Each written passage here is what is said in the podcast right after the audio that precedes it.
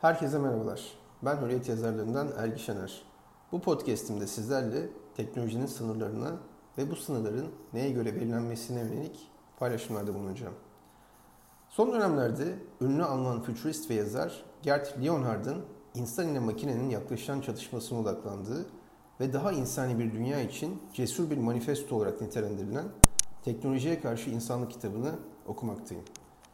Bu kitabı okurken yeni teknolojilerin üstel olarak gelişmesinin her alandaki değişimi ve dönüşümü imelendirdiği bu dönemde teknolojiden beklentilerimizin nasıl değiştiğini, teknolojinin topluma olan etkisini ve teknoloji yönetimi adına eksik olanları ve düzeltilmesi gerekenleri de tekrar düşündüm.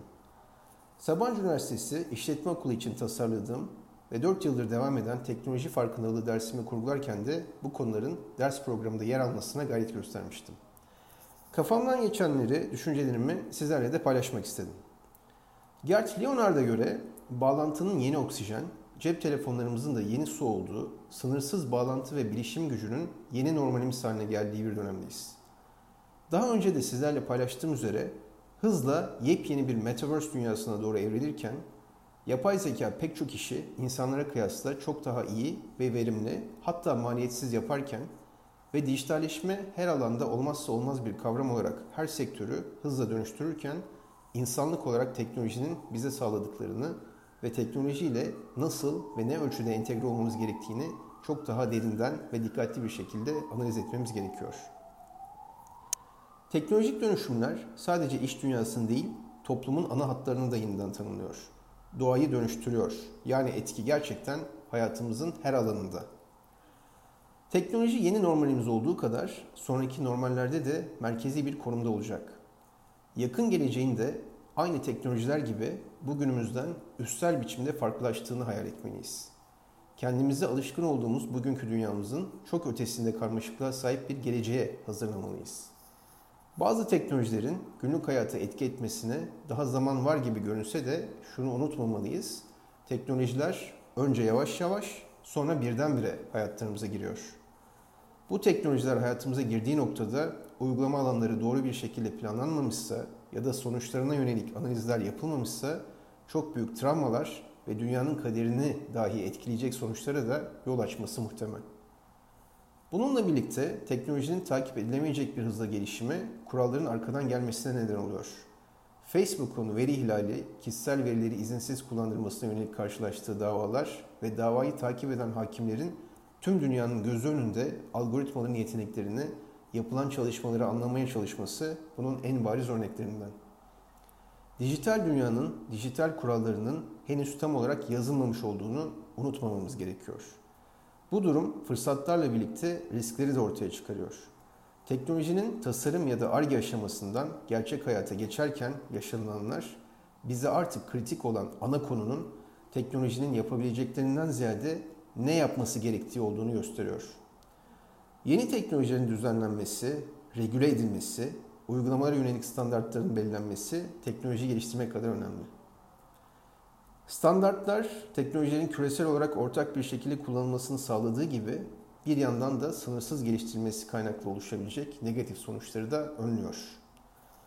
Leonard kitabında bilim kurgu yazarı William Gibson'ın teknolojiler biz onları uygulayana dek ahlaken tarafsızdır sözünü de sıkça paylaşıyor. Teknolojilerin ne yazık ki etiği yok. Ama insanlık etiğe muhtaç ve etiği olmayan bir toplum da felakete sürüklenir diyor. Leonard'a göre insanlar ve teknoloji giderek örtüşüyor, kesişiyor ve hatta birbirine yakınsıyor. Normalde bir araç olarak bize yardım etmek için var olması gereken teknoloji sürekli beklentilerin artması ile bir araçtan çok amaca dönüşüyor. Algoritmalarıyla farkında olmadan tercihlerimizin ve seçimlerimizin yönetilmesi, Elon Musk'ın Neuralink girişimiyle iyice somutlaşmaya başlayan, insan beynine çip entegrasyonu sonrası gündemde daha fazla yer almaya başlayan artırılmış insan konsepti ve tekillik, teknolojik gelişmeler olarak radikal gelişmeler olsa da gerçekte büyük resim kapsamında ne kadar ele alınıyor? İnsanlar olarak bizler teknolojiyi kullanan bir canlı türüyken farkında olmadan insani özelliklerimizden uzaklaşıp teknolojiye mi dönüşüyoruz? Gerçek şu ki teknoloji üstel olarak büyürken insan beyni aynı hızda gelişmiyor. Bununla birlikte gelecekte bizi farklı kılan bizi insan yapan donanımlarımızı kullandığımız alanlar olacak. Yani yine de önce insan olmaya odaklanmalıyız. Bunu unutmamamız gerekiyor.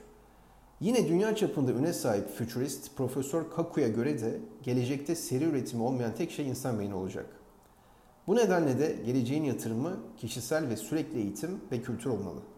Uzun soluklu rekabette fark yaratmak için robotların yapamadıklarına odaklanmak gerekiyor. Yani ayırt etme, mantık oluşturma, empati yapabilme, bağlantı kurabilme yetileri gibi. Sorular sorma, bir şeyin farklı olabileceğini hayal etme, eleştirel olma, olaylara farklı açılardan bakabilme, satır aralarını okuma gibi apaçık insana özgü özelliklerle makinelerden ayrılıyoruz ve bu yeteneklerimizi de geliştirme çabamız gelecekte kendimize yapacağımız önemli bir yatırım haline geliyor. Leonard, gelecekteki performans göstergelerimiz, mesleki başarılarımız, birim satışlar, müşteri ilişkileri, memnuniyet oranları veya kazandırılan müşteri sayıları gibi ölçülebilir olgular ve veriler temelinde yani saymaya ve nitelendirmeye dayalı olmayabilir diyor. Bunun yerine insanların katkılarını ölçmek için anahtar insan göstergeleri olarak nitelendirilebilecek daha bütüncül ve ekosistemci bir yaklaşımın yükselişini görebiliriz şeklinde görüşlerini belirtiyor. Peki adı üstünde artırılmış insan olmak varken neden sıradan insan olarak kalalım diye de sorabilirsiniz. Sonuçta beynimizin kapasitesini artırıyoruz. Zahmet çekmeden pek çok yeteneğe ya da meziyete sahip oluyoruz. Madalyonun bir de diğer tarafından bakalım. Ya bu yetenekler herkese erişemeyecek şekilde sadece parası olan belli bir kesimin yeteneklerini artırmada kullanılırsa ne olacak? Ya da beynimize bağladığımız çiplere e, yönelik bir siber saldırı olursa Algoritmalar ile bugün bile sosyal medya üzerinden seçimlerimiz, kararlarımız farkında olmadan yönetilirken bir de beynimizdeki çiple kontrol altına alınırsak bu konuları önümüzdeki yıllarda sıkça tartışmaya devam edeceğiz. Bir yandan da teknolojinin hızlı değişimi karşısında her bir bireyin yeni gelişmelere aynı derecede adapte olamayacağını veya bu teknolojilere erişebilecek kaynaklara sahip olamayacaklarını, uyum sağlayamayanların da geri plana itilebileceğini düşünmeliyiz. Ayrıca gelişen teknolojilerin istihdam üzerindeki etkisi, artan eşitsizlik, servet ve bilginin eşitsiz dağılımı da toplum üzerindeki negatif unsurlar olarak öne çıkıyor. Bu nedenlerle teknolojik gelişmeleri her zaman iki yönlü sorgulayıcı bir biçimde ele almakta yarar var. Gert Leonard da yaklaşan insan-makine yakınlaşmasının insanlık için harika kazanımlara neden olabileceği gibi aynı zamanda onu tehdit edecek unsurları da beraberinde getireceğini savunuyor. Bu tehditlerin önüne geçmek adına en önemli adımların birinin de buluşların ve sonuçların tahlilinin daha iyi yapılması olduğunu belirtiyor.